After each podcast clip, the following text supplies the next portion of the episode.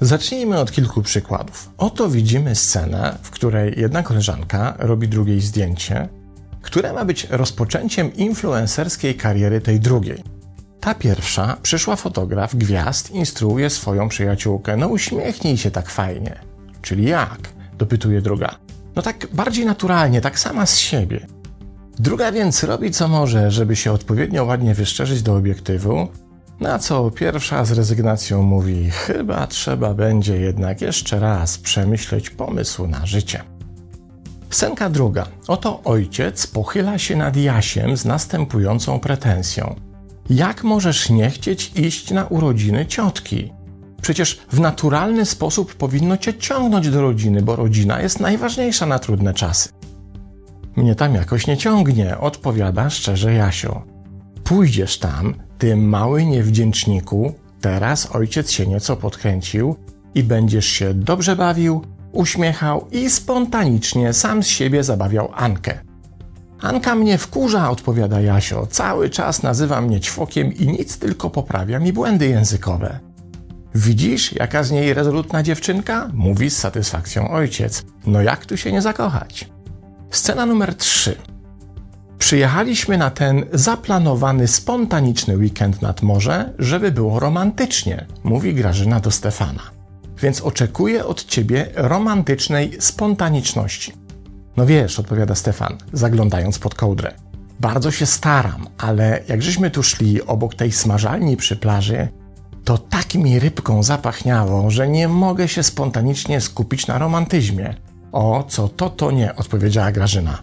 Najpierw romantyzm, potem rybka, a poza tym ty wiesz, że na to szaleństwo w smażalni to najprawdopodobniej będziemy musieli kredyt wziąć. Najpierw bierz się za romantyzm i to ochoczo i z uśmiechem na ustach. Na kredytowanego dorsza z fryturą to musisz zasłużyć. Co łączy powyższe przykłady? Otóż zjawisko, które doktor psychologii Padraig Gibson z Uniwersytetu w Dublinie nazywa paradoksem bycia spontanicznym, który to mechanizm jest jego zdaniem mocno niedoceniony przez współczesną psychologię i na tyle nierozpoznany, że obecnie wielu psychologów i psychoterapeutów nie wie, co z nim zrobić. Problem zaś polega na tym, że według doktora Gibsona jest to mechanizm powszechny, którego doświadczamy w relacjach z innymi osobami właściwie we wszystkich obszarach naszego życia. Gibson wskazuje tutaj na przykład starania pokonania zaobserwowanych oznak depresji, w których to staraniach osoba zmagająca się z tym problemem słyszy tak zwane dobre rady od swojego otoczenia spod znaku myśl pozytywnie, czy powinieneś się częściej uśmiechać. Kiedy w ten sposób terapeutyzowana osoba zgłasza, że jakoś nie widzi powodu do śmiechu, więc jak ma to zrobić, w odpowiedzi słyszę zazwyczaj: No jak to jak? Spontanicznie.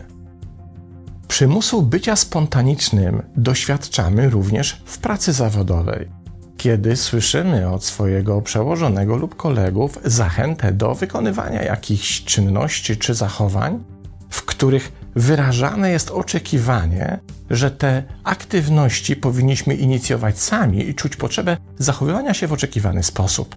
A jeśli trzeba nas do tego namawiać, to znaczy, że coś z nami jest nie tak. I dotyczy to nie tylko przymusowych zabaw czy zajęć zresztą zespołu na najprzeróżniejszych wyjazdach integracyjnych, ale również zawodowych wyzwań czy profesjonalnego rozwoju. Bo przecież powinniśmy się czymś zainteresować czy za coś zabrać sami z siebie, wiedzeni spontanicznym zrywem pojawiającym się w nas w naturalny sposób. Kiedy się nie pojawia, to oczywiście swoim zachowaniem zawodzimy nasze otoczenie i narażamy się na pretensje braku spontaniczności, co często staje się dyskwalifikujące przy awansie czy premii. Kolejny obszar przymusu spontaniczności to nasze związki, w których interesujący się czymś partner oczekuje, że i my ponownie wypowiedzmy to słowo spontanicznie się czymś zainteresujemy. Czym innym jest na przykład wspólny wyjazd na narty, kiedy od razu wiadomo, że jeden z partnerów nie podziela zachwytu białym szaleństwem, ale robi to bo chce sprawić przyjemność drugiej stronie. A czym innym wyjazd na te same narty, w którym jedna strona od drugiej oczekuje tego samego poziomu fascynacji. I dotyczy to nie tylko wspólnej formy spędzania wolnego czasu, ale też integracji rodzinnych, planowania wspólnej przyszłości czy podzielania określonych poglądów. Potężnym obszarem, w którym doświadczamy presji bycia spontanicznym, są oczekiwania rodziców wobec ich dzieci. Kiedy rodzic uznaje, że jeśli on coś uważa za fajne i atrakcyjne, to dziecko powinno dokładnie w ten sam sposób to coś traktować. I problem zaczyna się wtedy, kiedy jednak okazuje się, że mała Zosia nie ma zamiaru zostać następczynią Igi Świątek, a mały Kazio kolejnym kubicą.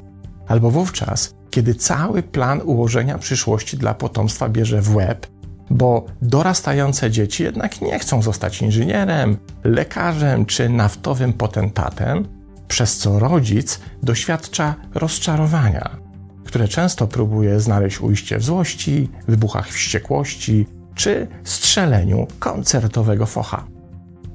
Wszyscy ci oczekujący od nas spontaniczności zdają się nie dostrzegać, gdzie leży problem i czemu tej spontaniczności w wielu przypadkach nie mogą się doczekać. A wyjaśnienie znajduje się w samym fundamencie tych oczekiwań, który został zbudowany na dwóch sprzecznych ze sobą ideach. Jeśli coś ma się pojawić w naturalny, więc spontaniczny sposób, to jednocześnie nie może się to pojawić w wyniku żądania, by się pojawiło. Samo żądanie spontaniczności wyklucza spontaniczność.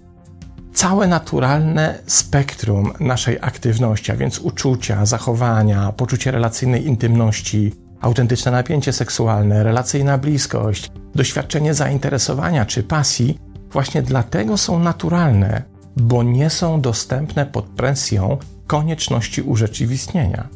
Ich naturalność wymyka się oczekiwaniom innych, bo pochodzi z wewnętrznego imperatywu, który jest uruchamiany jako reakcja na naturalne sytuacje, zdarzenia czy bodźce, a nie na ich domaganie się występowania, składanie w żądaniach sformułowanych przez nasze otoczenie. I owszem, da się przymusić kogoś do tego, by coś zrobił, ale nie da się przymusić kogoś do tego, by to, co robił, robił spontanicznie. Wówczas w presji takiego przymusu system otrzymuje dwa sprzeczne komunikaty. Jeden jest zachętą do określonych zachowań, a drugi w tym samym momencie informuje system, że oczekiwane w ten sposób zachowania nie mogą się pojawić. To tak, jakby mówiąc komuś, zapraszam do wejścia, jednocześnie przed tym kimś zamykać drzwi. Albo próbować rozpalić ognisko, tyle że zamiast zapałek używać wiadra z wodą. Co więcej, ten mechanizm złożony z dwóch sprzecznych komunikatów wysyłanych do systemu jednocześnie cechuje się dość znaczącą charakterystyką. Otóż im silniej naciskamy na zamknięte drzwi, tym z drugiej strony będzie trudniej przez nie wejść. Im więcej wiader wody wylejemy na ognisko, tym trudniej je będzie rozpalić. A im bardziej będziemy kogoś namawiać do spontanicznych zachowań, tym bardziej będziemy zmniejszali szanse na ich pojawienie się. Bo im silniej pożądamy czy oczekujemy, że ktoś zachowa się w spontaniczny sposób, tym mniej prawdopodobne stanie się to, że będzie do takich zachowań zdolny.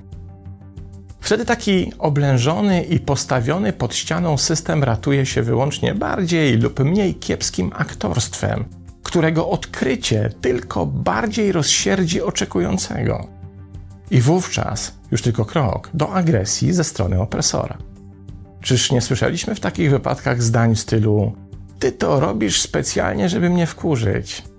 I zaczyna się jazda bez trzymanki, w której za brak realizacji oczekiwanej przez otoczenie spontaniczności jesteśmy karani, jak za brak posłuszeństwa lub celowe działanie na szkodę tego, kto od nas oczekuje spontaniczności.